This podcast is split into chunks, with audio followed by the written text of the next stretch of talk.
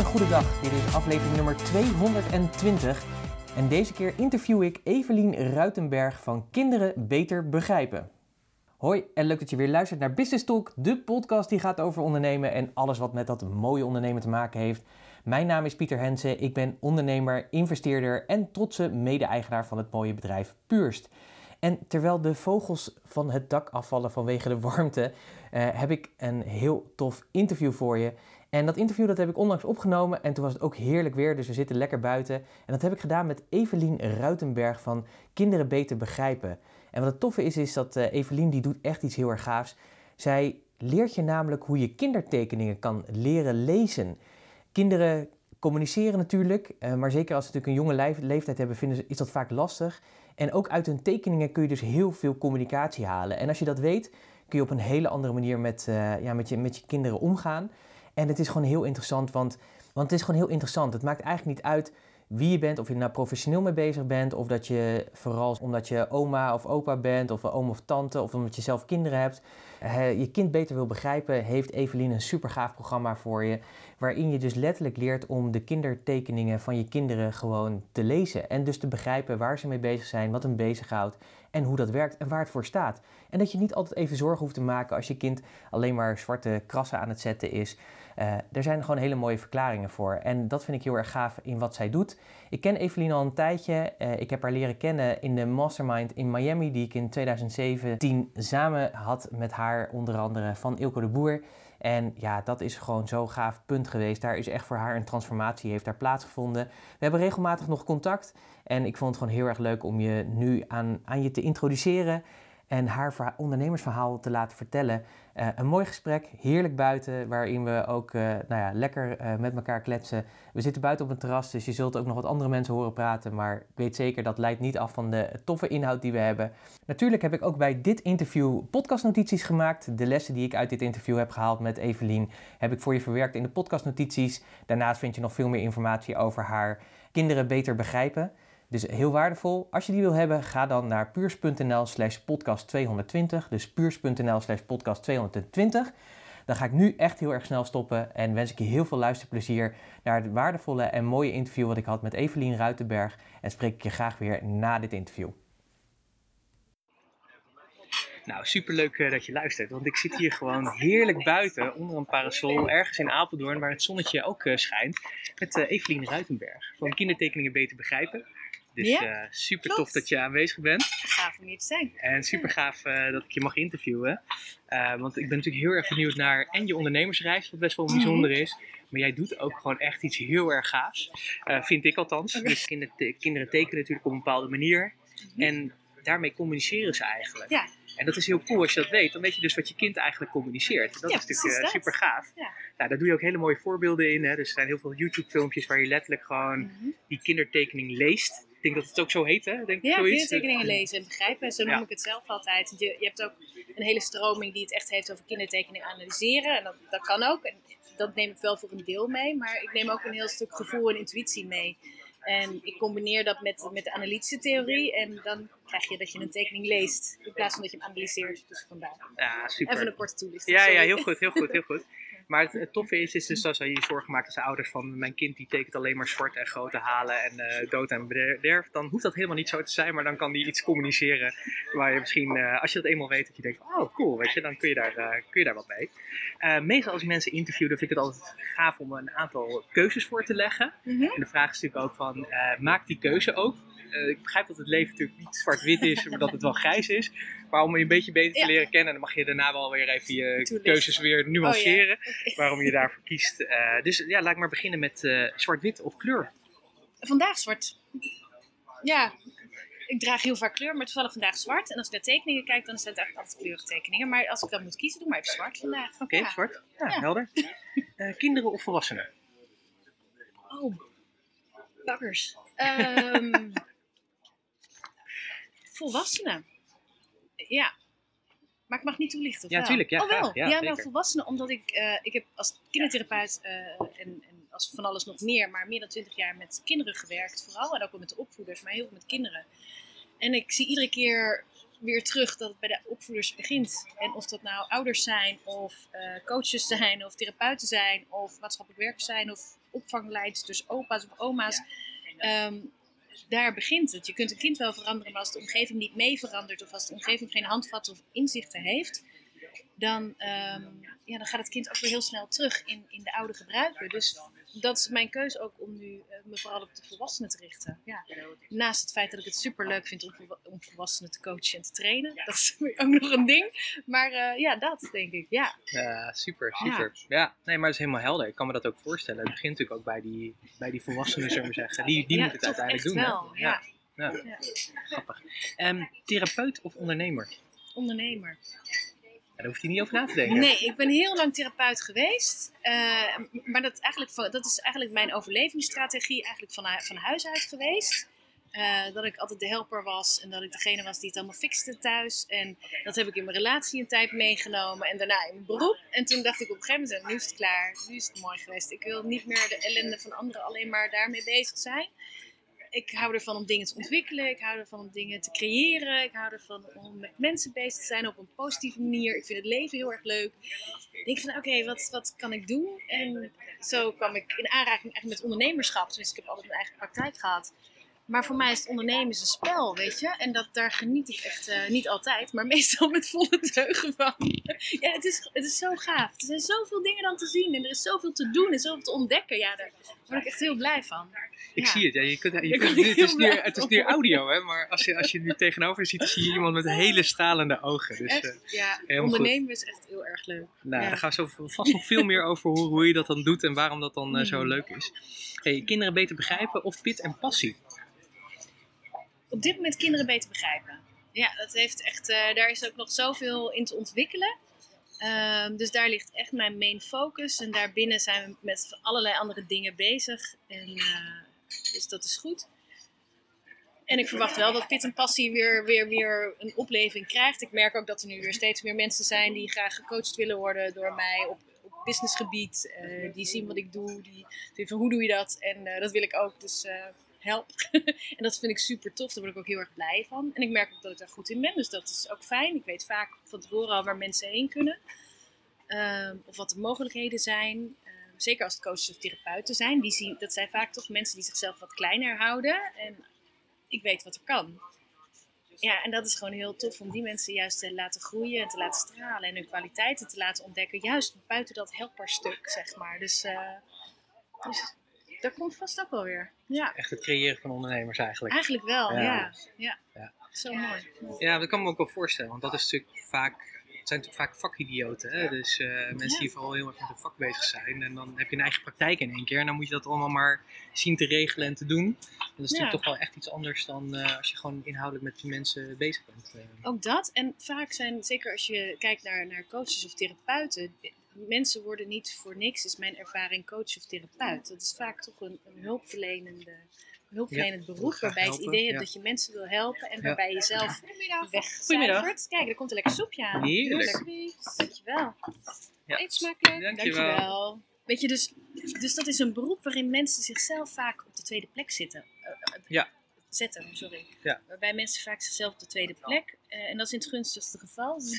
Dus gebeurt ook wel eens dat ze zichzelf nog verder naar achteren zetten. En ik Het is nooit andersom, dat ze uiteindelijk eens een keer zichzelf op de voorgrond zetten. Nou, dat, ja, soms dus wel. Dat is wel heel, heel af en toe. Maar dat is meer uitzondering. eh. Maar echt, als je ziet naar de mensen die een eigen praktijk hebben, weet je, dan eh, zijn het vaak mensen die graag willen helpen en daarbij vergeten zichzelf, eh, voor zichzelf te zorgen. En als je ondernemer wilt zijn, dan moet je ook voor jezelf kunnen zorgen. Want anders Absoluut. dan eh, overleef je het niet zo lang. Of dan, ga je niet, of dan groei je niet, of dan vindt er weinig ontwikkeling plaats. Dus ehm, ja, ik denk dat dat een hele mooie doelgroep is. Ja. ja, toch eh, kinderen beter begrijpen op dit moment. Ja, het, het ligt een beetje in elkaars verlengde. Want ik train heel veel. Ik, ik train eigenlijk alleen nog maar volwassenen nu. Ja. eh, in het lezen van kindertekeningen. En eh, het grappige is dat daar heel veel mensen bij zitten met een eigen praktijk. Ehm, die ben ik inmiddels een groot deel daarvan ook weer aan het opleiden tot licentietrainer. En heel veel daarvan komen ook naar me toe. Ja, maar eh, je hebt een zeer succesvol bedrijf en je bent begonnen als speltherapeut. En nu heb je gewoon een, een heel goed lopend bedrijf. En je bent in korte tijd enorm gegroeid. Eh, hoe doe je dat? Ja. Zou ik ook graag willen. Eh, dus het ligt soort van een beetje in elkaars verlengde eigenlijk. Dus dat ontstaat heel organisch eigenlijk. Ja, super gaaf, Ja. super gaaf. Heel dat mooi. kan ook mooi samen. Ja. blijkbaar. Dus dat is heel erg tof. Het een of het ander inderdaad niet uit te Nee, sluiten. precies. natuurlijk. Dat is eh, mooi. Hey, ehm, Nederland of internationaal? Oh jee. Neem ik ondertussen Eh, een hap Ja, doe. Eet smakelijk. Dankjewel. Jij ook trouwens. Dankjewel. Jeetje, daar moet ik best wel over nadenken. Want we hadden het er net al over. We hadden natuurlijk even een voorgesprek, want we kennen elkaar al langer. Dus we hadden een wat langer voorgesprekje eigenlijk. Yes. En toen hadden we het er ook over alles waar je aandacht aan geeft, groeit. Eh, dus in dat kader zeg ik internationaal. Mm. Ja, we, we zijn heel erg aan het groeien. Dus ik vertelde net al, we zijn bezig met, eh met de Engelse variant, met een Duitse variant. En er zit nu een Poolse variant in de pijplijn. En we zijn nu even wat technische dingetjes aan het uitzoeken. Maar eigenlijk staat gewoon alles helemaal klaar. Dus alles is vertaald. eh, alle Facebook-advertenties staan klaar. De, de, de- de, nou ja, de Engels- en Duitsstalige helpdesks staan klaar. Weet je, gewoon, het is echt te wachten op de, op de ehm, hoe noem je zo iemand? Iemand die administratie doet. Boekhouder. De, boek, ja, de mevrouw die moest nog even wat technisch uitzoeken. hoe, het allemaal, hoe het allemaal Ja. zit. Of het wel kan. precies, nou ja, dat kan allemaal, maar dan zit je met allemaal regeltjes en dan moet je gewoon even goed uitzoeken. Dat is belangrijk. En, eh, maar goed, dus daar ligt nu even heel veel focus eh, ja, op dat onderdeel. En, en ik loop echt achter, want ik wilde eigenlijk eh, vorig jaar november al live met het buitenlandse stuk. Ja. Maar goed, het heeft blijkbaar even meer tijd nodig. En ik vertrouw er altijd maar op dat de dingen gebeuren op het moment dat het klopt en dat het goed is en dat het past. Dus daar ga ik ervan uit dat het eh, een reden heeft dat het wat meer tijd nodig heeft. Heb je daarover durven dromen of is het gewoon iets wat op je pad is gekomen? Ik heb er geen seconde bij stilgestaan van tevoren. Echt gewoon nooit. En het was meer, omdat, nou ja, wij kennen allebei Ilko de Boer. Oh, dat is in één keer helemaal leeg. Eh, ik ben ondertussen aan het gieten met soep in een kommetje voor de mensen die luisteren. Ehm, ik heb er nooit een seconde bij stilgestaan eigenlijk. Totdat iemand vroeg van, goh, maar zijn er ook andere mensen die dit doen? En ja, er zijn andere mensen, maar die doen het veel meer als echt beroepsopleiding eh, aan iemand leren. Terwijl ik doe het echt als bijscholing aan mensen leren. Ja. En ehm, in het buitenland zijn er sowieso maar heel weinig mensen. Maar ik vind dit zulke belangrijke kennis. Ik vind het eigenlijk dat iedereen die kinderen heeft, of met kinderen werkt, of eh, met kinderen is, eigenlijk moet deze kennis hebben. En ik heb me ooit, toen ik 14 was, voorgenomen van ieder kind op de hele wereld moet zich zo voelen zoals ik mij nu voel. Zo gezien en zo gewenst en zo belangrijk. Ik ga ervoor zorgen dat dat gebeurt. Dus ergens heb ik het vroeger gepland en komt het nu. eh, komt het nu. Maar niet bewust zo bedacht van, oh, maar dan ga ik ook internationaal en dan ga ik dit Nee, je en hebt dat. niet je carrière uitgestippeld van ik ga eerst dit zo doen en dan dat. nog, daar ben en, ik helemaal niet goed in, joh. Nee. Nee, dingen overkomen mij soort van. Maar dat is meer vanuit vertrouwen van dat het universum echt wel voor mij zorgt. En dat ik weet van, oh, maar er komt altijd weer een nieuwe stap. Dat komt. en die komt dus dan En ook. die is er ook, ja. Iedere keer weer. Ja, ik ben nog nooit, weet je, ik zie het altijd een beetje als zo'n stepstones idee. Ken je dat? Ja, zeker. Maar dat ze dan opploppen. Dus Oh, dat ja, je nog ja, niet ziet, maar dat Maar je dat maar wel- dat je weet van, vertrouwen, ja. dan komt hij of komt hij niet. En het is nog nooit gebeurd dat hij niet kwam. En, eh nou, ben inmiddels Ja. 42 of zo. Word 43 volgende maand. En, eh, of twee weken zelfs al. Oeh. En eh, ja, en het is nog nooit gebeurd in al die jaren dat er niet een zo'n steen opplopte. Dus ik ga ervan uit dat het gewoon blijft komen. Ja. Dus natuurlijk blijft dat komen. Daarom. Ja, ja, ja.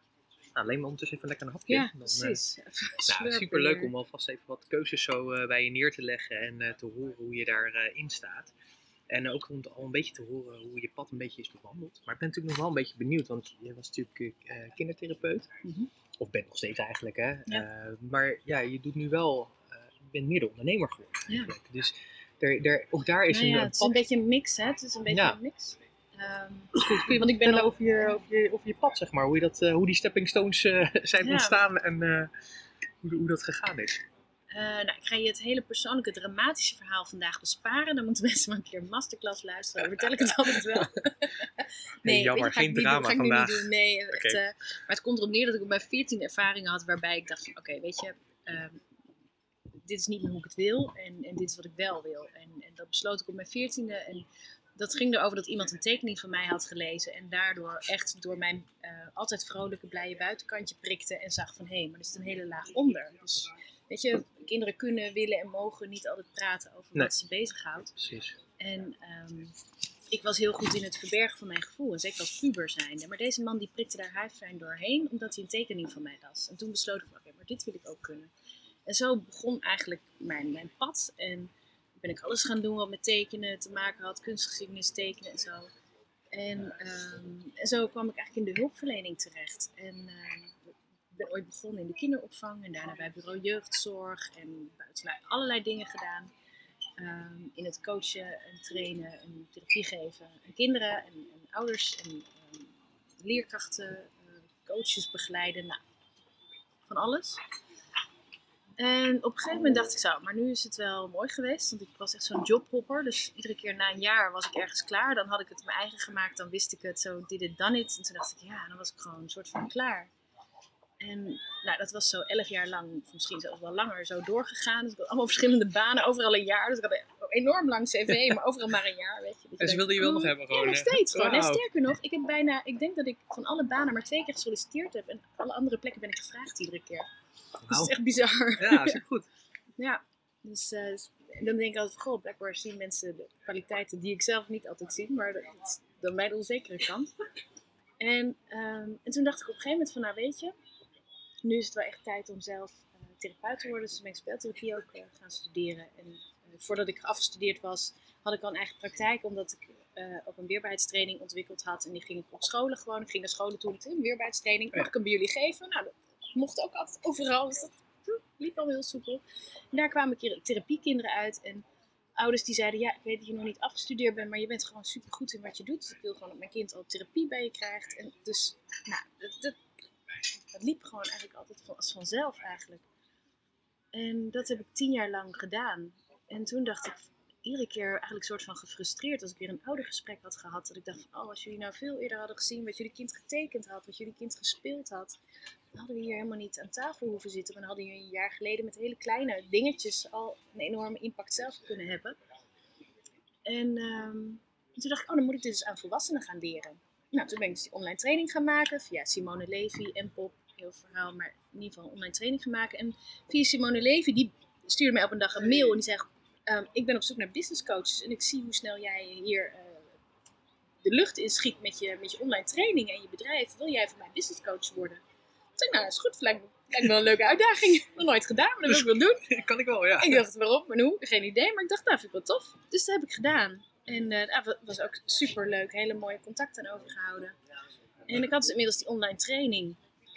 En eh, eh, nou ja, de eerste keer dat ik die verkocht, verkocht ik er in één keer ruim 50. Dus ehm, eh, en ik, dan is het wel interessant om te weten dat, dat ik ben getrouwd. En mijn man die, die, eh, eh, heeft een tijdje geen inkomen gehad door zijn gezondheids eh, nou ja, zullen we maar zeggen. En eh, toen hing het inkomen van mij af. Maar ja, ik was speeltherapeut, ik verdien niet zo heel veel mee.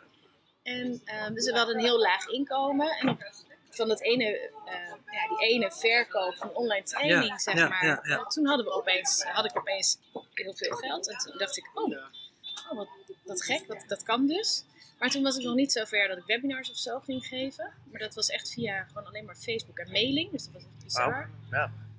En toen ging ik een, een jaar lang voor Simone eh, business coach. Nou, een super toffe ervaring, was heel erg leuk. En eh, toen dacht ik, ja, nu vertel ik iedereen dat ze webinars moeten geven, maar misschien moet ik dat eerst zelf maar een keer doen. Dus toen ging ik een, eh, een een of ander softwareprogramma op mijn website installeren. Het is echt te erg voor woorden. Maar goed, het was een een of ander systeem. En dan kon je via in je website, in je website via Google Hangouts volgens mij, Ja. daar was het dan mee geïntegreerd. Kon je dan een webinar geven. En twee dagen van tevoren dacht ik, ja, dan moet ik het ook wel aankondigen, want anders is er niemand. Dus ik had een berichtje op Facebook gezet en ik had mijn mailinglijst, die was toen nog helemaal niet zo heel groot, maar die had ik een berichtje gestuurd van, nou, woensdag geef ik een webinar. En toen had ik binnen één dag, had ik 1100 aanmeldingen. Zo, bam. En toen dacht ik, fuck. En hoe dan? Ik helemaal kapot. Ja, ik had echt geen idee. Ik had echt Gefeliciteerd. geen idee. Ja, het was heel tof. En eh, het was op woensdagochtend, dus ik zat klaar voor mijn webinar. En ik echt het zweet aan alle kanten. En ik was zo gespannen. En ik weet nog, het enige wat ik kon denken, oh, als de techniek maar niet in de steek Ah. Als de techniek maar- Maar ja, goed, je voelt hem aankomen. Wat, wat gebeurde er? Het systeem zat dus in mijn website en die ging mails versturen. Maar dat kwam, die mails kwamen in een loop terecht. Mm. Dus er werden tienduizenden mails verstuurd binnen een paar minuten. Dus mijn eh website host die had me eraf geknald met de hele website. Dus de Google Hangout die draaide wel, maar er was geen webinar, want het werd niet uitgezonden. En ik, ik vond het zo erg. Ik voelde zo dat ik de rest, dat ik de wereld teleurgesteld had. Dat ik nooit meer een webinar heb gegeven. Oh, meid. Dat is echt heel erg. Ik dacht, dit doe ik nooit meer. Eh, En eh, eh, achteraf kan ik erom lachen. Ja, toen, het niet. Nee, dat snap ik. Dat zou, echt, dat zou voor mij ook echt de helpaarden Oh, zijn. man, dat is echt... En ik, ik had dus gewoon 1300 aanmeldingen zonder enige adverteringskosten. Zo Ja, luxe is het echt- tegenwoordig niet meer. Maar Nee, oké, dat maar, maar dat is toch mooi. wel super hoor. hè. Ja, dat was echt Ja. bizar. En toen heb ik ook geen enkel webinar meer gegeven tot drie kwart jaar later. En toen kwam ik jou ook tegen natuurlijk in Miami bij Ja. De Boer. En die zei, oh, je moet webinars gaan geven. Toen ik het verhaal vertelde. En dat ben ik toen echt met hem gaan doen. En dus, dat ben ik gaan doen. En hij, de eerste keer heeft hij hem samen met mij gegeven. Dat was echt, ja, dat was echt eh, heel gaaf. Dat was heel erg leuk. En eh, sindsdien geef ik webinars. En eh, ja, nou ja, en inmiddels is het booming, want er zijn inmiddels meer dan 3500 mensen die de training volgen. En misschien zelfs wel meer.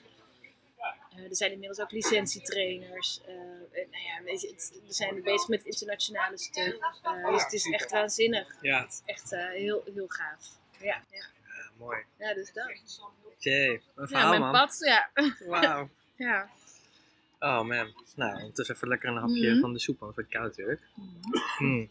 Ja, het is echt een ehm, heel bizar verhaal. Wat ik, nou, ik zei al, ik ben niet zo van tevoren van het uitstippelen van dingen. Dit had ik ook niet kunnen bedenken, zeg maar. Die had ik niet eh, aanzien komen. Nee, en ook wel grappig wat er dan gebeurt. Hè. Dus als je dit dus overkomt, dus eh, je, je hebt dan 11 tot 1300 man in je, Ja. in je klaslokaal zitten, zeg maar. En de techniek, Ja. die wat, dat je dan dus ook tegen jezelf zegt, dat je dan niet denkt van, ah shit, ja, dat is even vervelend. Hè, ik heb 1300 man, laat ik gewoon een keer een nieuwe geven. Maar Nee. dat je dan, dan echt direct gewoon... nee, ik voelde echt heel erg dat ik de wereld teleurgesteld had. Dat ik het niet goed had gedaan. Ja. Lag niet aan mij, het ging over die techniek. Maar goed, dat zegt ook wat over mijn ontwikkelingsniveau op dat moment. Van hoe ik tegen mezelf aankeek, hoe ik eh, tegen nieuwe dingen, weet je, tegen dit soort nieuwe technische dingen, dat was helemaal nieuw. Dat, en ik hou ervan om nieuwe dingen te- uit te proberen en zo. Maar ja, eh, als dat niet werkt, wat dan, weet je? Ja, En inmiddels heb ik een heel team dat dan meteen klaar staat. En, eh, en, en dan zegt, oh, dan moet je dit doen, moet je dat doen, moet je zus doen, moet je zo doen. Weet je? Dus, ja. ja, die luxe had ik toen nog niet. En ehm, ja, nou ja, het is ook wel heel leerzaam geweest wat dat gaat. Is het mooi, want daardoor was er ook ruimte voor die andere dingen eigenlijk die ik bij Simone heb gedaan. Daar heb ik mega veel van geleerd ook, weet je. Dus, ja. En het is allemaal goed gekomen. Dus het is, bedoel, ik, mag niet We zitten hier nu, met een soepje. Dus het gaat goed, Ja, dan kunnen we betalen. Eh, hoop ik. Hmm. Maar ik wel. Oh, zo, dat is lekker. Nou, dan komt het in ieder geval goed, mensen. Dan ben ik toch blij dat ik toch eh, jou heb uitgekozen voor dit interview. eh. Mm. Dus hadden we gewoon niet met een kleedje op het Ja, terras en dan met ja. de pet rond. Ja, dan gaan we zingen vast of zo. Dan, eh, Heel creatief als ondernemer. ja, toch? dat, dat is wel waar. Ja, Hmm. dat is wel mooi. Ja, dat vind ik wel mooi wat je zei, zeg maar. Want wij hebben elkaar inderdaad ontmoet, denk ik, in april ergens eh 2017, hè, bij die mastermind Mhm, in Miami. ja.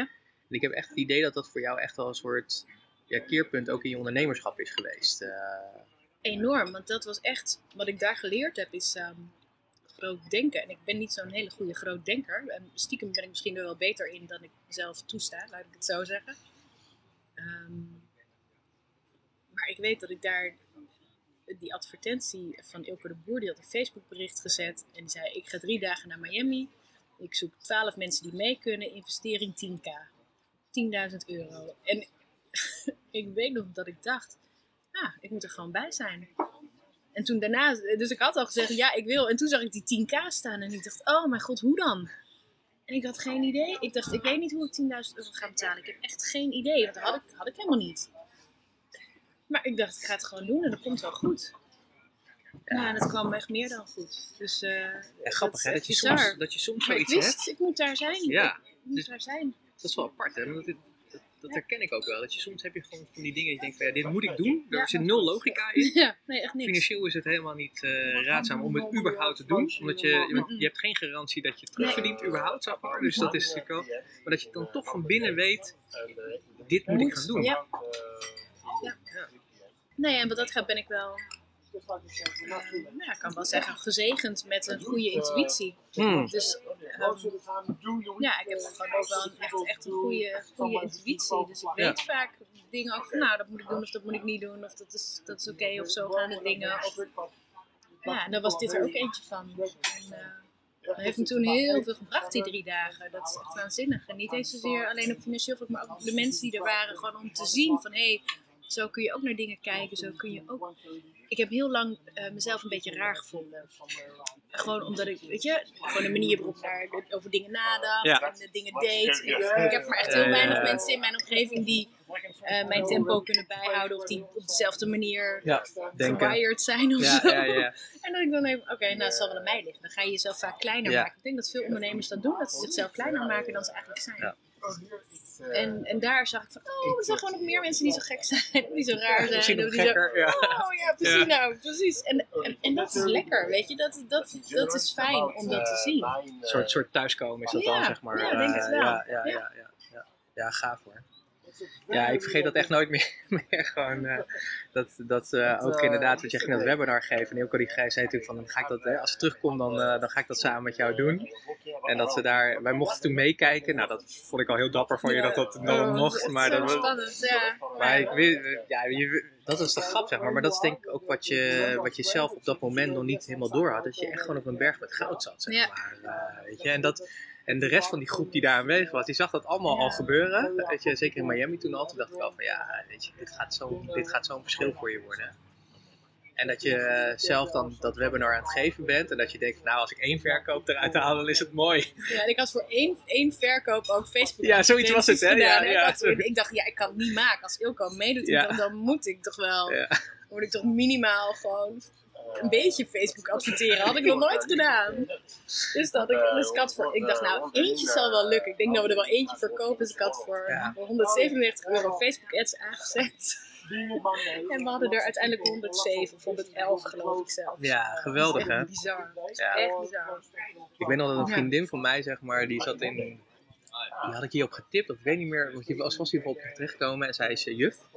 En ze zat toen in Noorwegen op een Oh, weten het nog? Ja, Ja. dus eh, dat was echt super. ook alweer? Esther. Esther. Ja, die heb ik nog mee, nog mee, eh, mee contact gehad. Daarna inderdaad, ja. Ja, Ah, dus lachen. dat was echt heel erg grappig. Dus zelfs naar Noorwegen werd gewoon gekocht. Gewoon. Maar er zijn gewoon mensen uit Italië, Noorwegen, Australië, Duitsland, België, eh, Suriname heel veel, Curaçao heel veel mensen. Ik heb nu een licentietrainer en opleider die op Bonaire woont. Oh, cool, ja. Ja, dus het is echt, eh, het, het gaat de wereld. In die zin, als je het over internationaal, het gebeurt al. Het is echt eh, mensen over de hele wereld die, die volgen de training. Ja, dat is echt bijna, als ik daar, dan moet ik echt janken. Als ik daar bij stilsta, dan, ga ik, dan moet ik hier echt gewoon, dan ga ik hier op een tijdje zitten huilen. Want dat is, dat is zo bijna niet te bevatten. Dat is echt raar. Ja. Huh? Ja, en het antwoord is natuurlijk nee. Maar wat ik heel mooi vind. Nee, maar als je erover nadenkt, Ja. is het eigenlijk heel onwerkelijk. Laat ik het- Misschien is dat. Ja, dat snap ik, zeg maar. Aan de andere kant ook weer niet. Want als ik gewoon hoor, zeg maar, hè, de, dus je, je hebt een verhaal meegemaakt. Hè, nou, dan moeten mensen nog maar een keertje gaan eh, terugluisteren. En dat, eh, dat gaan we dan ook eh, zorgen dat mensen dat weten waar ze dat kunnen vinden. Maar op je veertiende besluit je dus, misschien toen nog niet bewust, Mhm. maar eh, dat je op een gegeven moment zegt, maar mijn why is gewoon, dit wil ik Ja. gewoon realiseren. Dat je daarvoor gaat staan, zullen we zeggen. Ja. En dan is het natuurlijk niet raar dat dit gebeurt. Nee, met terugwerkende kracht kan ik, kan ik echt zeggen van nee, dat is eigenlijk niet raar. Maar zeker als je, de- als je weet dat het zo werkt. Hè? Als je gewoon een keus maakt en daar vol voor gaat, dan gaat alles meewerken om dat ook voor elkaar te krijgen. Maar het is wel natuurlijk super gaaf om te ontdekken dat het dan wat je niet voor mogelijk houdt, zullen we zeggen, dat dat dus gebeurt. Dus dat er gewoon ergens in de wereld gewoon mensen zijn die jouw product hebben. En je weet gewoon dat ze daarmee ehm, letterlijk gewoon het verschil gaan maken weer Maar in het leven maar van dat is het, hè?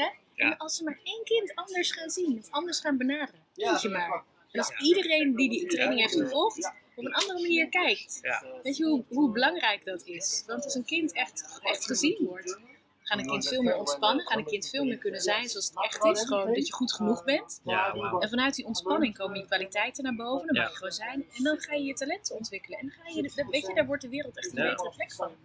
Ja, hoe mooi is dat? Ik, ja, ik kan er alleen maar... Ja, ja, dus, dus, dus, ja, dus als je luistert, dan moet je gewoon dit, dan moet je dit gewoon, als je, als je met kinderen te maken, want dat is ook het leuke, hè, want het is, in het beginsel was het natuurlijk echt ingericht, zeg maar, voor eh, therapeuten, onderwijzers, echt mensen die met een professie ermee bezig waren, volgens mij, of niet, of heb ik dat verkeerd begrepen? Nou, er zijn meerdere mensen die, die vertellen over kindertekening Ja. analyseren. En, en, eh, maar dit is vooral gericht op inderdaad eh, beroepsscholing. Voor, me- voor therapeuten of om therapeut te worden of om echt om kinderen te begeleiden. En wat ik wil is dat deze, eh, dit is gewoon, in mijn ogen is het gewoon een taal. Een Ja. taal die je kunt leren. Sterker nog, ik denk dat iedereen deze taal kent. Want dit is de taal, beeldentaal, is de taal die kinderen van nature spreken. En we zijn allemaal kind geweest. Iedereen heeft gespeeld, iedereen heeft getekend. Ja. Dus we kennen hem allemaal. Alleen Ja. hij is weggezakt omdat we zo vanuit onze cognitie worden aangesproken. Ja. Dus op het moment dat je weer zakt en dat, en dat weer aanraakt en, dat, en, en daar ook in durft te zakken, want dat is een ander ding. hè. Mensen, dan moet je je cognitie ook een beetje loslaten. Ja, uiteraard. Dat kan voor sommigen spannend zijn. Maar dan, ja, dan kun je weer veel beter in die wereld van kinderen stappen. Ja, super. Echt heel erg gaaf. En dat vind ik ook het mooie. Dus of je nou vader of moeder bent, oom of tante, opa of oma. Ja, ze doen allemaal mee. Ieder- iedereen heeft er hier gewoon wat aan. Dat is natuurlijk fantastisch, zeg maar. En als je daardoor beter kan communiceren met je kind. Ja. En echt je kind beter begrijpt. Ja, dan maakt dat natuurlijk een enorme impact eh, op, ja, Ja, op het leven van zo'n kind natuurlijk. Eh, wat is, als we het nu hier toch over hebben, wat is een voorbeeld waarvan je zegt van wow, weet je, dat, dat, dat is me echt bijgebleven, zeg maar, eh, toen ik die kind dat aan het analyseren was of dat teruggaf, zeg maar, aan ouders of wat dan ook, waardoor, ja, Ja, er zijn er meerdere, maar er eentje, die, echt, eh, die echt wel enorm is bijge... Die, die eigenlijk soort van in mijn... Die tekening staat echt in mijn geheugen gegrift. Ik was een keer... ehm, ja, hoe noem je dat? Zo'n zo'n ouderberoepenweek op school bij mijn dochter. En toen had de juf gevraagd, wil jij over je beroep als speltherapeut vertellen? Want toen was ik speltherapeut. Ja. Ik zei, nou, dat is leuk, dat was vet cool. Dus ik stond er voor een groep 7 en ik mocht gaan vertellen dat ik de hele dag in een lokaal met speelgoed stond en darten, darten de hele dag. En die kinderen is dat je werk? Ja, dat is mijn werk. Dus dat was echt heel leuk om dat te doen. Dat was echt heel tof. En die dag gingen er eh, op het schoolbord hingen 20 boomtekeningen. Zullen er misschien 18 geweest zijn of 21. Maar in ieder geval een stuk of 20 tekeningen van al die leerlingen. En eh, het is super mooi om te zien dat als je een groep boomtekeningen laat maken, als ze allemaal de- dezelfde opdracht krijgen, dat ze allemaal verschillend zijn. En dan zijn er ook altijd wel één of twee die opvallen, die, die eruit springen. In, in, nou. En hier was er één, het was eind juni, dus het was nou, net als nu heerlijk weer. eh, de, de bomen zijn groen en nou, de meeste tekeningen waren ook een beetje bruine stam, veel loof, veel groen. Weet je wat je verwacht, levenslust, levenskracht. Ja, En er was er eentje die helemaal met, eh, met grijs potlood getekend was. En die had dode wortels, allemaal gaten en barsten in de stam, afgebroken takken. En, en dat was een tekening, nou ja, ik heb er nog nooit zo eentje nog daarna gezien. Die raakte me echt in mijn ziel. Dus echt, het- ik zag die tekening en de tranen schoten in mijn ogen. En ik kon alleen maar de pijn van dat kind voelen. Ik kon alleen maar denken, oh, wat is hier aan de hand? Dit kind moet zich heel naar voelen. Dat, dat, is geen mogelijke, dat is geen andere mogelijkheid. Nou ja, goed, maar ik ging daar mijn verhaal vertellen. En op een gegeven moment gingen de kinderen naar buiten. En die hadden pauze. En eh, toen stond ik even naar die tekeningen te kijken. En de juf kwam naast mij staan. En die zei, je doet iets met tekeningen. Ik zei, ja, ik doe ook iets met tekeningen. En zij zei, nou, als je dan hier zo kijkt, eh, wat zie je dan? En ik dacht, nou, laat ik de vraag eens terugkaatsen. Want ik ben wel benieuwd of zij het ziet. Want het is opvallend hoe weinig mensen weten van de taal van tekeningen eigenlijk. En zei, zijn er tekeningen die opvallen? En toen zei ze, ja, nou, eigenlijk niet. En toen keek ze wat beter. En zei ze, nou ja, die drie die vallen wel op. En zei ze, maar vooral die ene, want dat is de enige die zwart-wit is. Ja. En zei ik, ja, hoe is het met dit kind? Ik zeg, ik maak me eerlijk gezegd heel erg zorgen over dit kind. En ze zei, oh, het gaat eigenlijk heel goed. Het is een jongen en die zit altijd op één vaste plek in de klas. Die wil altijd daar zitten. Doet altijd heel goed zijn best. En hij heeft geen vrienden, maar ook geen vijanden. Die hobbelt een beetje iedereen mee en hij doet zijn werk. En nou, ik heb eigenlijk geen last van hem. Dan krijg ik altijd een beetje jeuk. Dan denk ik, oh jee. dat is, dat is een goed kind. Ja, ja. maar bijna. Ja. En, eh, en zei ze, maar hoezo vraag je dat? Ze nou, ik maak me eigenlijk zorgen. En ik zei, ik ben benieuwd als je eens aan hem zou... Misschien kun je eens aan hem vragen van hoe, het met hem gaat. Ja. Toen keek ze me een beetje raar aan. En toen dacht ik, Ja. nou ja, weet je, ik ga me hier... Dus ik, en ehm toen zei ik van, nou, ik ben benieuwd als je, als je dat eens zou vragen, wat er dan uitkomt. En toen keek ze me een beetje raar aan. En toen dacht ze, nou, oké, ik laat het hierbij. En ik ga me er niet verder mee bemoeien. Maar ik dacht, ik heb het in ieder geval gezegd. Ja. En, eh, en ik had ook geen idee. Ik had- ik kreeg de indruk dat ze er niks mee ging doen eigenlijk. Dus ze zat me zo eh, een beetje soort van beledigd aan te kijken dat ik met haar zaken bemoeide. En, en toen kwam ze drie dagen later op schoolplein naar me toe. En ze zei, jeetje, ik wil je even bedanken. Zei, ik ben zo blij dat je me erop gewezen hebt. Want eh, eh, het gaat helemaal niet goed met hem. En toen bleek dus dat inderdaad binnen zijn, binnen zijn eh, gezin, dat zijn ouders allebei fysiek ziek zijn en dat dat al Mhm. jarenlang aan de gang was. Maar dat het een heel gesloten systeem was. Dus, dus een gezin wat echt heel erg op zichzelf was en dat geen hulp van buitenaf wilde vragen, want ze wilden niemand lastigvallen met hun problemen. En het was gewoon in die loop der jaren zo gegroeid dat die zoon, dus de, de oudste jongen Ja. thuis, Ja. steeds meer in huis ging doen. Dus hij zorgde voor zijn ouders, hij zorgde voor zijn broers en zusjes, hij deed de boodschap, hij deed het huishouden. eh, dus hij was helemaal geen kind meer en hij was gewoon op dit moment moe. Hij was op, hij kon eigenlijk niet meer. Daar kwam het eigenlijk op neer. Dus in overleg met die jongen hebben ze een gesprek met ouders gehad. En die waren zich rot geschrokken. Want het was helemaal nooit hun bedoeling geweest. Nooit hun intentie geweest. Ze hadden gewoon geen idee. Het was zo gegroeid en zo ontwikkeld. En eh, ze hadden geen idee dat het ja, hun zoon zoveel kostte eigenlijk. En daarna is er heel snel hulpverlening, eh, thuiszorg in het gezin gekomen. En, eh, dus die juf zei ook van, ja, ik ga meteen jouw training volgen. Ze zei ik wil nooit meer dit soort signalen missen. Ze zei, dat, dat, dat, ja, dat, is, dat kan niet, weet je. Dit moet je weten. Hier moet je alert op zijn. Ja, zeker, zeker.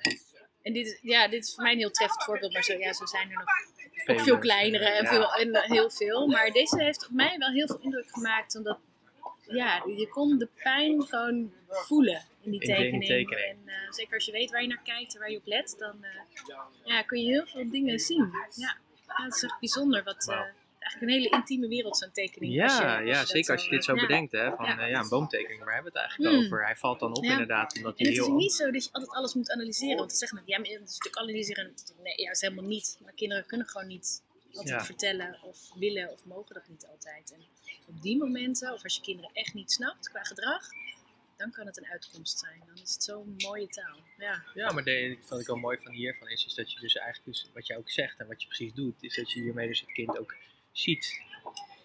Dus onbewust. Dus daarom is het denk ik Ja. wel mooi dat in ieder geval dit naar voren is gekomen. En deze docent in ieder geval, eh Hmm. juf in ieder geval heeft gekozen Ja, om er anders in te gaan staan. En dat zal waarschijnlijk voor de klassen die daarna komen, of er al zijn, zeg maar, ook een hele wereld van verschil hebben gemaakt natuurlijk. Ja, dat is, het is voor de rest van je leven ook, denk ik. Je neemt het gewoon altijd mee als je die kennis hebt. Is het, ben je op een gegeven moment uitgeleerd of is het gewoon dat het gewoon continu ontwikkelt, zeg maar? Eh, kun je bijvoorbeeld zeggen van... want kindertekeningen zijn natuurlijk altijd kindertekeningen, zullen we zeggen. Maar zit daar een soort grens aan of kun je gewoon zeggen van nou, er zijn ook thema's daarbinnen in... eh, Dat sowieso. Dus er zijn natuurlijk thema's, maar er zijn ook verschillende stromingen om er naar te kijken. Dus je hebt heel erg de analytische kant, je hebt meer de intuïtieve kant, je hebt meer de procesmatige kant. Het zijn, ja, het zijn heel veel manieren om, om naar te kijken. En ik denk dat het belangrijk is dat je heel erg zoekt wat bij je past. Op dat moment dat het bij je past, dan, dan kun je dan, ja, ben je er het meest open en ontspannen in en kun je het het best. Dus ik denk dat dat, eh, dat, dat belangrijk is. Nou ja, nee, je bent denk ik nooit uitgeleerd. Maar dat is sowieso omdat dat niet in mijn systeem zit om uitgeleerd te zijn. Ik denk dat je altijd door... Er is altijd meer. Dat is tegelijkertijd de valkuil. Omdat je denkt dat het ook... De andere kant is dan dat je denkt van... Oh, het is niet goed genoeg. Dat ik dan soms kan denken... Oh ja, het is niet goed genoeg. Ehm, ja, er is zoveel. Dus je hebt nog even te gaan. eh, Ja, absoluut. Ja, nee, zeker. Ja. Mooi hoor. Neem nog even lekker een hapje van je soep eh, ondertussen. Die wordt Ja, helemaal koud natuurlijk. Eh. dat is warm zat. Dus heel veel Ja, kou heel wordt die goed, toch niet. goed. Nou ja, en als we op tekeningengebied uitgeleerd zijn, dan eh, hebben we altijd nog het zakelijke gebied waar je nooit uh, uitgeleerd Uiteraard. bent. Ja. Dat, dat blijft natuurlijk ook. eh, dat blijft natuurlijk Ja. ook. Want hoe zie, hoe zie je het? Oké, want je, bent, eh, je zei al een beetje van, nou, ik heb een stepping stone zo en eh, het ontwikkelt zich. Mhm. Maar stel je voor dat we over drie jaar eh, hier eh, weer zouden zitten. Wat, eh, wat, hoe, hoe zou het zich kunnen ontwikkelen? Zitten we denk hier dat moeten we eh, ergens in Miami afspreken? Ik wou net zeggen, ja. Ja, dat er ergens op, eh, op een strand zit of zo. Dat is- Mm. ik was dit jaar was ik op Curaçao. Dus, Oh, dus heerlijk. er, ja, dus heb ik workshops en lezingen gegeven. Oh, Dus gaaf, dat was echt heel erg leuk. Ja, dat was heel tof. Ehm, nou, ik weet niet waar we dan zitten. Maar laten we gewoon weer hier afspreken over drie jaar. Dan kunnen we allebei vinden. ja, precies. Dat ook. Ja, ik denk dat, eh, dat internationaal echt booming is. Ja. En, En ik eh, heb niet zozeer de ambitie om overal lezingen te geven en zo. Die, die ambitie heb ik niet. Eh, maar ik heb wel de ambitie om echt zoveel mogelijk mensen te vertellen over dat het kan en dat het er is en eh, wat het voor je kan doen. Die ambitie heb ik wel. Ja. Dus, ehm, ja, dus ik denk dat dat, eh, ja, als het net zo snel gaat als in Nederland, en Nederland is maar klein, maar als het net zo snel gaat als, eh, als hier, dan eh, denk ik dat we er een driedaagse van maken.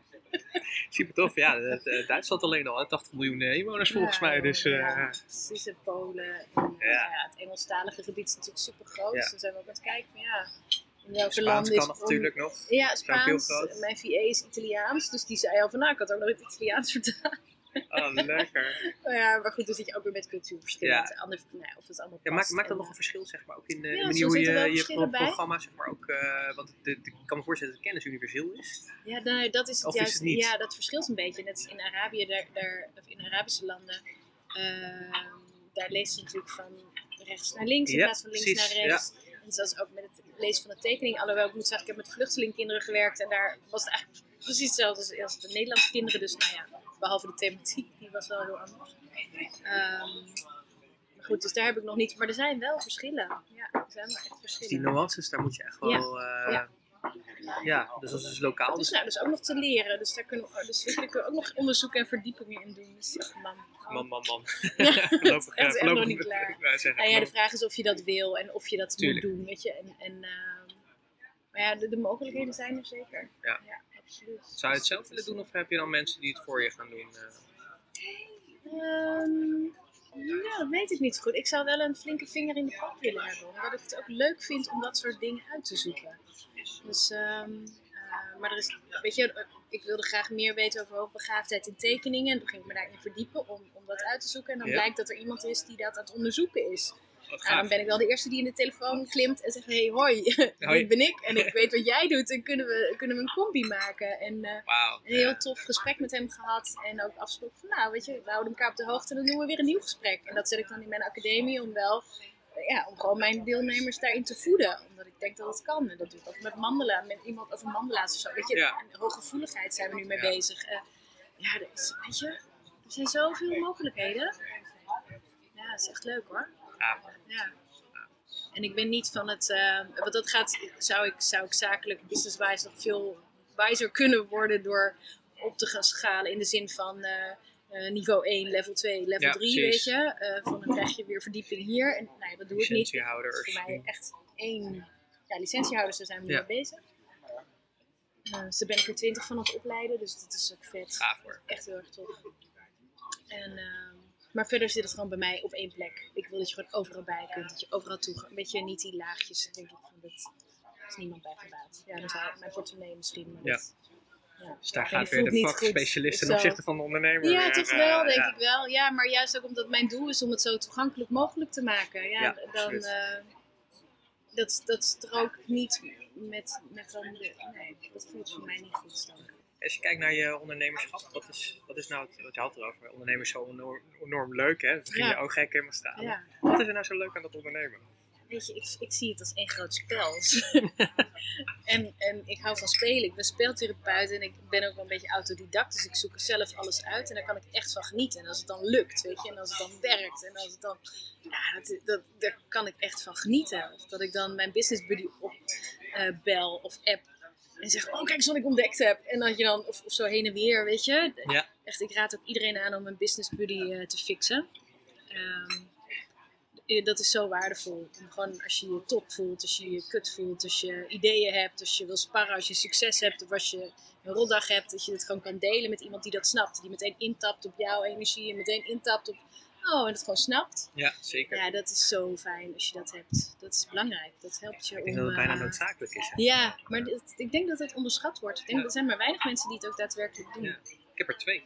Kijk, Ja. oh, lucky bastard. Ja, dat komt eentje die veel meer hè, de leren van elkaar, zeg maar. Zij leert wat meer in van het ondernemerschap van mij. En Ja. ik leer meer van, eh, zij is heel intuïtief en gevoelsmatig en veel meer op gezondheid en dat soort dingen. Ja. Dus, eh, maar wel gewoon ook een onderneemster. Dus eh, daar, kunnen, we, ja, daar, daar hebben we elkaar gewoon gevonden. En de andere is eh, een goede vriend van me geworden, zeg maar. En wij zitten veel meer op mindset, zeg maar. Van, Ja, precies. dus elke maandag en vrijdag sowieso een uurtje met een van beiden Ja. om daarover te sparren. Maar het is zo belangrijk om dat te hebben. Ja, echt. Want ja, weet je, alles wat je doet en laat in dat ondernemerschap, dat doe je natuurlijk zelf. Ja. Dus je bent eh, zelf zeg maar de ster, maar je bent ook zelf je grootste Ja, en bottleneck. je hebt die spiegel nodig van iemand die buiten ja. afstand helemaal luistert. Wacht even, wat je nu aan het zeggen bent, wat je nu aan het doen bent. Of je zit nou al wekenlang, zit je dit Ja. en dit en dit te zeggen. Mijn business buddy die, bleef, die werd op een gegeven moment een beetje zo'n langspeelplaat. Ik zeg, goh, volgens mij Ik ben er nu wel klaar nu even, is nu Ja. gewoon even, en dan nu even. En dat is ook helemaal prima, weet Ja. je, want dat kun je dan ook tegen elkaar zeggen, maar je helpt elkaar ermee. Ja. Dat, is, dat is zo fijn. Dus zorg echt voor mensen om je heen die, eh, ja, die, die gewoon like-minded zijn en het liefst nog even een stapje verder zijn. Of eh, in ieder geval dat het gelijkwaardig is. Ik denk dat dat eh, mooi is. Ja. Ja, dat helpt je gewoon enorm in je groei. Dat helpt je Is. gewoon enorm in je groei. Dus dat, doe dat gewoon. Mhm. En dat, eh, Ja. ja, dat is denk ik ook belangrijk. Als je kijkt naar dat mooie ondernemen, wat is, wat is jouw grootste les eigenlijk geweest tot nu toe? Want je bent, eh, je, bent je bent natuurlijk nog onderweg, op Ja, reis. Ik heb eigenlijk nog een broekje. Ben, ja, maar dat is echt bizar. En toch al zo enorm veel- ik, mij eh, nu, eh, ja, het, 12 jaar ondernemen. Waarvan de laatste 2,5 jaar ondernemer, zeg maar. Ik ben nu echt Dus ik geboren was, ondernemer. was zelfstandige. Ja, en nu ondernemer. soort van. En nu ondernemer. En wat was je vraag?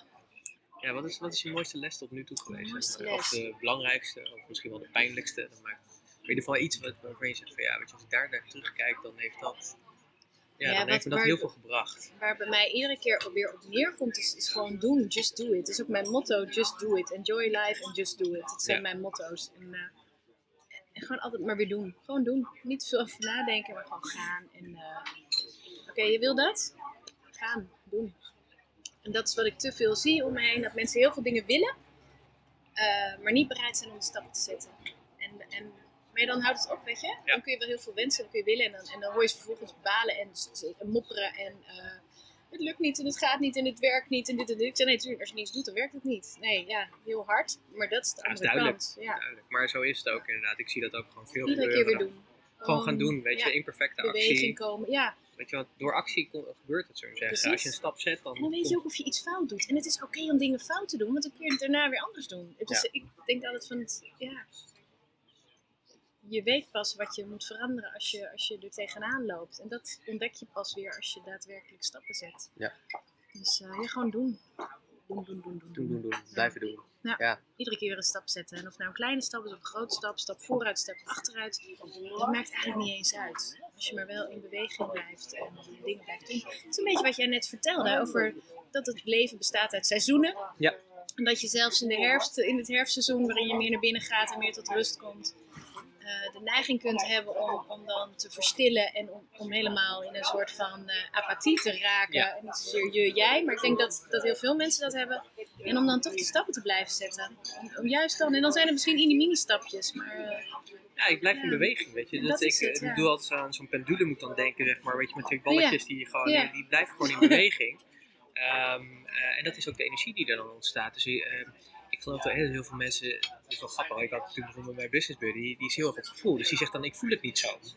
Weet je, dus dit voelt niet goed voor mij. En ik, aan de ene kant ben ik met je eens van, ja, als iets niet goed voelt, dus die intuïtie die is heel belangrijk. mhm. Maar aan de andere kant is het soms ook gewoon eens doen om te ontdekken van klopt dat nou, is dat nou gevoel of is het ook uitstelgedrag zeg maar. Hè? Of is het er iets anders voor? Want soms is het ook gewoon eens een kwestie van iets doen, ontdekken dat het dan toch werkt, Precies. ondanks dat je het niet voelt. Zou ik zeggen. Dat, hè, Ja, dus, en het is ook heel verleidelijk om te zeggen het voelt niet goed. En ik ben echt absoluut een gevoelsmens. Dus ik heb ook vaak genoeg gezegd, ja, voelt niet goed, dus het klopt niet. Maar goed, zelfs als het niet goed voelt of niet klopt, dan kun je dus dingen doen om te zorgen dat het beter gaat kloppen. Of beter Klopt. gaat voelen. Of, ja, en ik denk en ook dat wel. betekent niet alles in high speed, hè? Want dat, dat is volgens mij niet nodig. Want je hebt ook gewoon die binnenkeermomenten. Maar ik vind mediteren vind ik ook niks. Dat vind ik ook iets doen. zeg Ja, zeker, zeker. maar. Ehm, Maar het is een stap waardoor je eerst in beweging komt. Dan kom je tot een inzicht weer en daar kun je weer dat, wat mee ja. doen. Maar ik denk ook wel, en ik denk dat jij dat ook vast wel hebt gehad, dat er ook wel eens webinars waren die je hebt gegeven dat je niet 100% erin stond, zeg maar. oh ja, zeker. Maar dat Tuurlijk. je toch het gewoon deed. Omdat je Ja. gewoon ja, je, vanuit je professie ook gewoon dingen kan doen. Ja. En dan daar toch eh, ja, je succes mee haalt, zeg maar. Ja. ja, en als er iemand niet gedisciplineerd is, ben ik het. En ik ben getrouwd met een enorm gedisciplineerde man. Dus dat- ik heb echt zo'n eh, man die alles op discipline doet. Dat is echt... eh, Ongelooflijk. oh, aan de ene kant kan ik daar echt dan met afgunst naar kijken. En denk oh, was ik maar zo gedisciplineerd. Want dan had ik echt een nog veel groter bedrijf, denk ik dan. dat kan niet anders. Tegelijkertijd denk ik, oh, dan zou ik ook veel minder lol hebben in het leven. Dus Ja. voor mij is dat, is, is dat echt een hele belangrijke. Maar ja, gewoon doen, dat is het wel. En, en grappig genoeg zeggen mensen tegen mij vaak, oh, je hebt echt heel veel discipline. Maar dat zie ik dan zelf weer anders. Want ik ben soms ook zo chaotisch als wat. En, eh, Ja, en ik, goed, daar komen ook weer de mooiste ideeën van uit, grappig genoeg. Dus, ach, Dat is ook goed. Ja, en ik denk dat je op een gegeven moment ook gewoon ontdekt wie je bent, zo zeggen. En hoe je werkt en functioneert. En eh, weet je, ik doe heel vaak dingen op het laatste moment. En ja, daar heb ik gewoon jaren heb ik me daar schuldig over gevoeld. maar op een gegeven moment ging ik ook terugdenken. En ik weet nog wel een keer dat ik gewoon als kind ook gewoon... Ik weet nog, volgens mij moest ik een verslag inleveren. Dus groep 6 of 7 of zo. En dat ging over vliegtuigen. En ik weet nog dat ik zondagavond huilend naar beneden kwam. Want dat, dat was niet af. Oh, En ik moest toch echt naar bed, weet je. En eh, dat was een beetje het gevoel. En dat is zeg maar zo'n zo'n beginpunt. Maar ja, en op een gegeven moment ontdekte ik maar, van, maar dit is wel mijn werkmethode. Als er, als er druk onder staat, weet je, dan kan ik echt doorgaan. En dan op wilskracht, maar ook op, op zeg maar, Mhm. eh, ja, gewoon het afmaken. En dat lukt dan ook. Het gaat altijd goed. Het is nog nooit niet goed gekomen. nee, maar dat is het, hè? Dat is het. Dus, Ja. Maar op een gegeven moment ook gedacht van ja, ik kan me daar druk over maken. Maar dit is blijkbaar hoe ik dus gewired ben. Dus het heeft me heel veel gebracht. Ik kan natuurlijk daar dingen in verbeteren. Maar heel vaak werkt het niet voor me. Dus En toch is het grappig wat je zegt. Want ik heb het ook heel lang gehad, hè, dat ik echt zo in elkaar stak. En, ehm, en het is grappig, ik weet niet of je dat kent. Mijn agenda is zo'n daily business planner. Ik weet niet of je dat kent. Ken je dat of nee, niet? dat is dat. Maar, nou, ik ga hem nu niet laten zien, want daar hebben mensen niks aan. Maar dat is een agenda waarbij je dan eh, iedere keer aan het einde van de week, voor de nieuwe week, reflecteert op: oké, hoe was je afgelopen Oh ja, week? cool. Ja.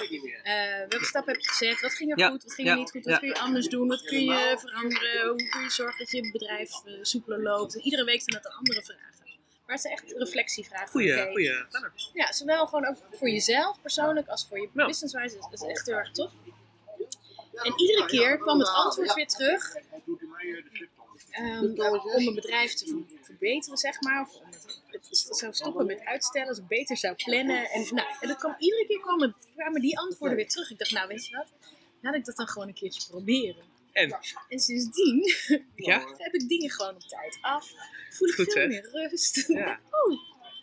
Het is- Maar, oh, ja, maar dat, dat, is het wel. hmm. dat snap ik wel. Dus waar zit het stukje van jezelf voor de gek houden? Weet je, ik heb mezelf er echt lang voor, mee, een soort van voor de gek gehouden. En niet zozeer dat het niet waar was, want het klopte, want ik kreeg het altijd af en het was altijd prima. En dan, maar ik, werd, ik voelde me daar zoveel meer opgejaagd en gehaaster en onrustiger door, want het zat altijd in mijn systeem. En het, weet je, het, zit, het kruipt dan in mijn achterhoofd. Oh ja, dat moet ik ook nog doen. Oh ja, oh ja, oh ja. En toen ging ik beseffen van, oh, maar dat kost me veel meer energie dan wanneer als ik eraan denk om het dan gewoon te doen. Ja. Dus dat was wel een interessante ontdekking. Dus mocht je dat nou ooit nou eens proberen, laat me even weten. Nou, ik, hoe dat voor jou ik herken het zeg maar in die zin dat ik, omdat ik zelf onwijs chaot ben, dus eh, in mijn hoofd heel chaotisch ben, Mhm. heb ik op een gegeven moment ook in het ondernemerschap ook echt aangeleerd om daar systemen omheen te zetten. Die mij dus helpen. Ja. En dat, dat Ja. is het. Maar ehm, eh, soms eh, merk ik wel van hey, dat, dat stukje hoe ik het lekkerst werk. Ja. Mhm. Dat is wat. Dus als je mij gaat vragen van joh, wil je, eh, ik stel je voor dat ik over drie weken een presentatie moet geven. en Je gaat me nu al vragen, kun je die presentatie sturen? Dat kan ik niet, zeg Nee, maar. dat Dat, gaat, maar dat je natuurlijk die systemen nodig hebt om te, überhaupt te Ja. overleven. Want anders gaat het echt alle kanten op. Weet je. Ik weet nog wel dat Ilko de Boer die had op een gegeven moment over dat intuïtief productief. Daar ben ik toen een keertje mee gaan doen. Dus dat is zeg maar, als je je productief voelt, dan ga je het doen. En als je het niet productief voelt, dan doe je het lekker Dat, niet. dat hanteer ik, want Oh, anders dan werkt dat, dat doe ik wel. Nou, ja, dat heb ik dus ook een tijdje het geprobeerd. Nou, voor mij werkt dat dus niet, zeg maar. Nee, dus ik, ik werkte gewoon dat ik gewoon daarmee gewoon... Ja, heel vaak had ik het gewoon niet, zeg maar. Dat is gewoon En dan kwam er niks. ja, nee, dat kan ik beter niet doen. Dus ik heb gewoon na drie maanden gezegd, ik moet hiermee stoppen. Maar dit werkt voor mij niet. Maar dat maakt niet uit. waren je. hele rustige maanden. Het waren ik. gewoon echt, het ging helemaal nergens over. Gewoon. Dat ik überhaupt niet ontslagen ben, dat is al een wonder. Gewoon. Dat was gewoon heel relaxed. En toen ik weer in die structuur kwam, is het, toen, ja. toen werkte het weer, zeg maar. Eh, en dan, dus wel, je hebt dus wel een soort micro-dingen, want ja, zeg maar, zoals dit podcast en dat soort dingen, die Mhm. moeten gewoon, weet je. Die wil ik gewoon elke week uit hebben. Dus dat, daar, ja, daar kun je dingen in het forum over doen en je kunt natuurlijk hele structuren daar ook op neerzetten. Ja. Maar, weet je, dus, maar daarbinnenin moet het wel gerealiseerd worden. Het moet wel gedaan worden. Dus dat is wel eh, wat belangrijk is. Mag ik jou een vraag stellen? Zeker. Wat is nou voor jou de, de, eh, de meerwaarde van die podcast, zeg maar? Wat maakt dat jij besloten hebt om dat te gaan doen? Me eerder afgevraagd. En nu kan ik het je gewoon vragen. Ja, nou heel erg eh, leuke vraag, dankjewel. Uh, hele goede vraag overigens. nou, ik ben begonnen omdat ik eigenlijk, ehm, eh, ik vertelde over uh, Annemieke de business coach, Ja. eh, dat we daar waren en dat we het over hadden over tien keer je marketing ophogen, zeg maar, Ja. om eh, ja, meer klanten te krijgen, meer zichtbaarheid, meer impact ook te maken. En toen dacht ik, ik ga een eigen podcast starten. Althans, dat had ik eigenlijk al heel lang Volgens mij heb je het in Miami al genoemd. ja, zelfs. klopt. Heb ik ook al gedaan. Alleen ik zag er toen een beetje tegenop omdat de techniek, zeg maar. Ik ben niet zo van de techniek dingen. Kun je natuurlijk uitbesteden. Mhm. Eh, maar ik had ook, het was ook misschien wel een excuus of zo, ik weet niet wat het was. Maar er was altijd iets waardoor dat niet was. Totdat een vriend van mij zei van ja Pieter, ik doe ook een podcast. Ik ga het je nu laten zien, want ik ben het nu een beetje zat. Dat ja, weet je, die, die, nou dat is die buddy ook waar ik elke vrijdag bij zit. Dus die liet het ook zien. En ja, toen had ik geen excuus meer. Nee, zo Dus toen- was het. Nee, dus toen ben ik daarmee begonnen. En ehm, eigenlijk ben ik gewoon begonnen omdat ik dacht, ik wil gewoon die podcast doen. Dus er Mm. zat geen... En natuurlijk wel vanuit het marketingperspectief van laten zien van oké, weet je, dit is gewoon iets wat we toevoegen eh, Ja, om te laten, Ja. om te geven aan anderen. Maar het was vooral voor mijzelf, ik moet gewoon starten. Punt. En ik heb toen ook geroepen, ik ga hem elke week doen. Zodat ik ook, dus out in the open, en als ik dat commitment doe, dan ga ik het ook doen. Zeg maar. Dat is zeg maar hoe het Ja, systeem ja, dan dat werkt voor jou, ja. dus dat is het. Maar wat die podcast me uiteindelijk heeft opgeleverd is... Ah, ik zit nu hier met jou. Ja. Hè, dus dat is Ja, heel erg ja. mooi. Ehm, maar wat ik niet ehm, eh, zo door had... is dat het een heel mooi medium is... om je eigen visie op... Nou, in dit geval het ondernemerschap... of hoe ik in het leven sta... om die te delen. Ja. En het is een middel wat zo intiem is. Ik zit ja, letterlijk in de oren van iemand. Ja. zeg maar. Dus ik zit letterlijk in je hoofd. Mhm. Nou, dat is de intiemste plek waar je kan zitten, zeg maar. Eh, en wat, Er zijn waar- mensen die er anders over denken. Oh ja, dat zou kunnen, maar eh, Buiten dat. dat is waar, ja, inderdaad. maar voor, voor mij, om dat te bereiken bij een ander, zeg maar, buiten mijn partner, is dat, Ja. eh, is dat eh, het meest intieme wat ik kan behalen. Ja. Ehm, en wat ik het mooie daaraan vond, is dat ik dus niet me bewust van wat, wat de impact is van eh, Mhm. je visie delen, zeg maar. En wat er nu gebeurt is dat, nou ja, ah, ik krijg er gewoon klanten door.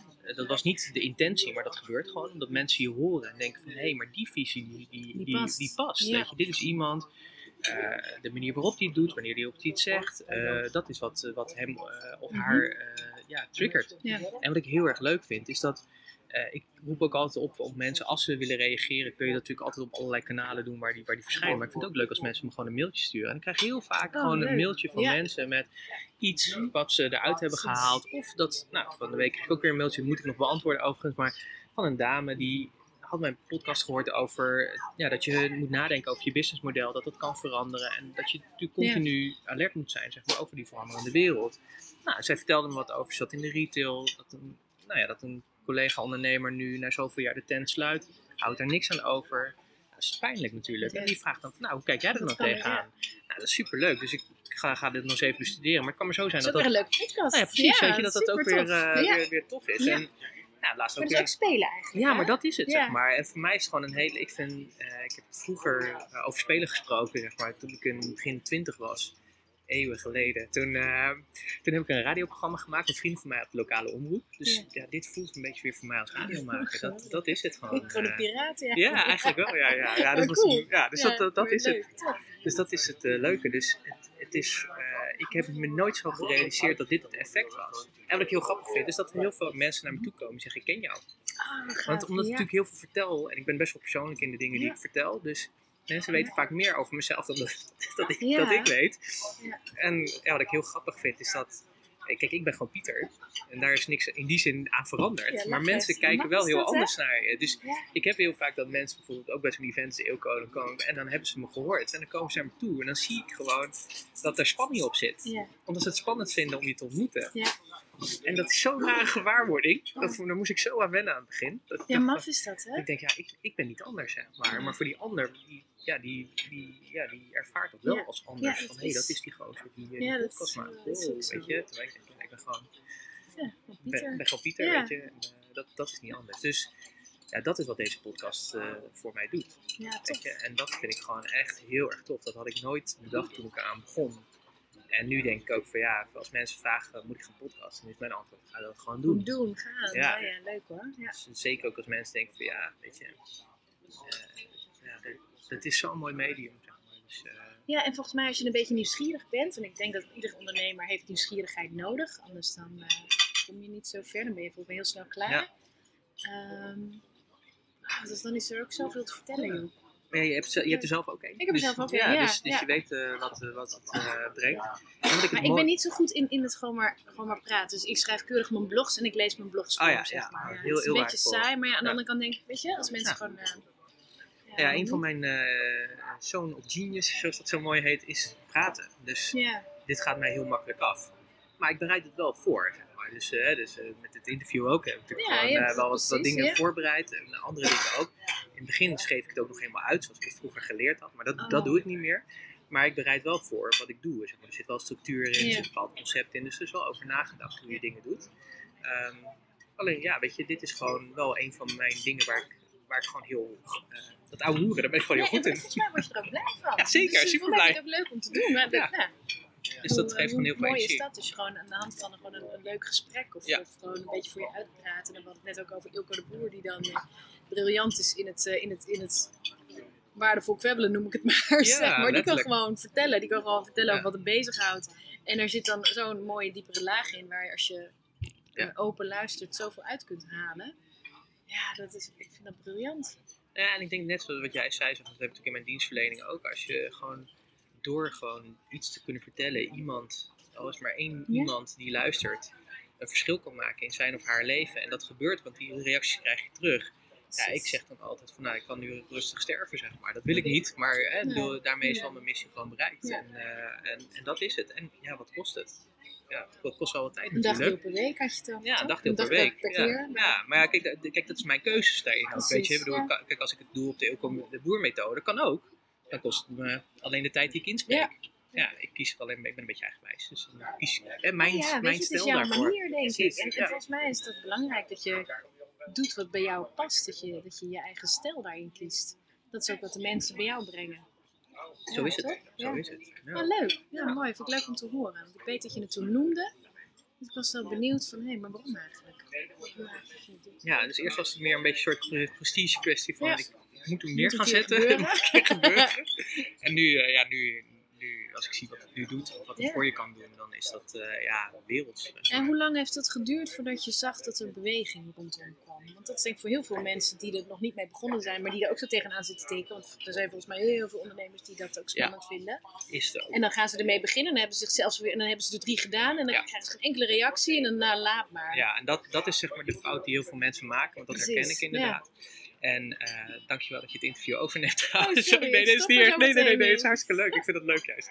Maar ehm, eh, wat, het wat, wat denk ik gewoon belangrijk is, is ik ben gewoon met die gedachte, ik- in eerste instantie ben ik gewoon, ik moet het gaan doen. Ik moet mezelf uit die comfortzone halen, ik moet dit gewoon gaan doen. Dat was eigenlijk de eerste instantie. Nou, dat heb ik gewoon gedaan.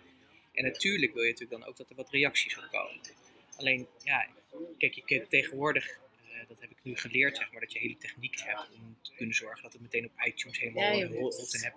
Maar dat had ik niet, zeg maar. En nog steeds niet vandaag de dag. Dus als je kijkt van, hè, eh, ik, eh, ik hoor van andere mensen die soms gewoon eh 50.000 unieke luisteraars in, een- in een maand hebben. Nou, weet je, als ik er 1000 of 2000 haal, is dat al veel, zou ik Ja. zeggen. Maar dat is ook helemaal mijn intentie niet, zou ik zeggen. Van, ja, natuurlijk vind ik het tof als meer mensen het kunnen luisteren, want ik denk dat het heel waardevol is. Maar het is voor mij echt gewoon een toevoeging aan wat ik, wat ik doe, zeg maar. En ehm,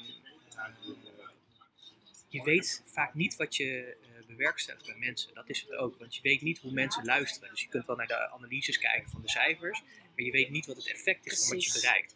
Dan En luistert er maar één iemand. En Precies. Als je net de juiste snaar Ja. hebt geraakt, dan... eh, dat is het, weet je. Daar Ja. kun je het verschil maken. En het mooiste voorbeeld vind ik nog van iemand, is die mailde mij met van, joh Pieter, ik reed van Berlijn terug naar huis.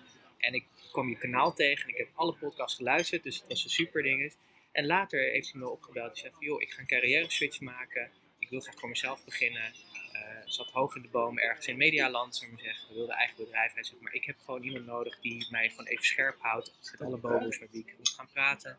Wil je mij begeleiden? Ja, dat is natuurlijk... Nou, super vet. Dat is toch super tof? Ja joh, Ja. dat is... Dat Het is mooi hè, dat je eigenlijk hetzelfde uitgangspunt hebt. Dat je gewoon een verschil wil maken in de Dat is wereld. Dat is het. Ja. En daarom wilde ik je ook graag in een podcast hebben natuurlijk. Want ik wil alleen maar die Ja, wereldverbeteraars dat is hebben. ja, maar dat is toch gaaf? Ja. Dat we dat gewoon kunnen doen. Dat Ja. we dus hier mogen zijn. En dat zo voel ik dat. Hè? Dat je hier mag zijn op de wereld om iets om hem mooier te maken. Dat je het verschil mag maken voor, voor heel veel mensen. Ja. Meer dan ik ooit voor, voor mogelijk had gedaan. Ja, dat maar ben- dat ben ik met dus je eens. Ik ik vind denk- dat heel bijzonder. Ik denk dat dat het ondernemen, zeg maar, in een... Want je kunt altijd het verschil maken. Het maakt niet uit waar je bent, denk Mhm. ik. Maar ik denk dat het Ja, ondernemen wel echt een soort eh, versterker is, zeg maar, die dat op een grotere schaal kan bewerkstelligen. Ja. Dus ja, daarom is het ondernemen denk ik ook gewoon zo eh, heel Ja. interessant. Ja, dat denk ik ook. Ja. Maar ik denk ook dat het, dat het helpt om, of ja, helpt klinkt een beetje gek, maar ehm, ik denk dat iedere ondernemer wel een, een why heeft, zeg maar. Gewoon dat je een reden hebt, ook al ben je er zelf misschien nog niet bewust van. Dat er een reden is waarom je doet wat je doet. Dat je daar een verschil mee wil maken, hoe klein of hoe groot ook. En ik ben het helemaal met je eens, hoef je geen ondernemer voor te zijn. Maar het geeft wel weer andere mogelijkheden ook. Ja, dat is ook zo. Ja, zeker. Ja, Tof. tof. We begonnen bij tomatensoep. Ja. Eindigen we bij de wereldverbetering. Ja, zo simpel kan het gaan, hè? Zo, zo simpel is het. Ja, super mooi. Wat een mooi gesprek trouwens. Leuk, Dankjewel. Ja. heel erg leuk. Hey, ter afronding, hè, want we kunnen nog wel uren door Oh, al bezig. natuurlijk. Ja, we zijn echt al een uur bezig, dus dat is heel mooi. Wat, aan mensen die nu luisteren, zeg maar, wat, wat, wat zou je mee willen geven? Als je één ding mee mocht geven. Van alle dingen die je mee kan geven. Oh, echt geniet van de dingen die je doet. Geniet van iedere stap. En, eh, en, en dat betekent niet dat alle stappen leuk zijn. En als je dus tegen stappen aankomt, of tegenkomt die niet zo leuk zijn, kijk er dan alsjeblieft naar van wat kan ik hier uithalen. We hadden het er straks al even over wat, wat het met je kan doen als je vervelende dingen meemaakt.